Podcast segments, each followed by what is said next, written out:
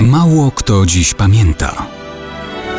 Datownik historyczny prezentuje Maciej Korkuć.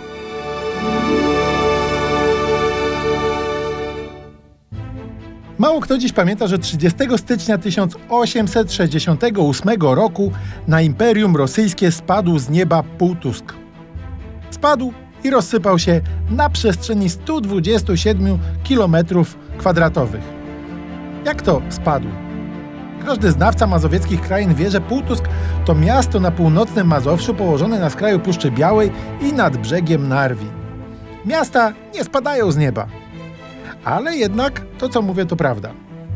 Akurat 30 stycznia 1868 roku Półtusk jednak spadł z nieba i rozbił się na co najmniej 68 780 kawałków, bo tyle znaleziono. I nie było to miasto, tylko meteoryt, któremu właśnie ze względu na okolice upadku nadano jako imię swojsko brzmiącą dla nas nazwę. W ten sposób Półtusk, nic nie robiąc sobie z rosyjskiej zaborczej polityki, wkradł się do dziejów astronomii.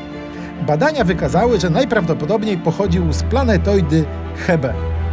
Zakładać należy, że tam raczej nikt go Półtuskiem nie nazywał.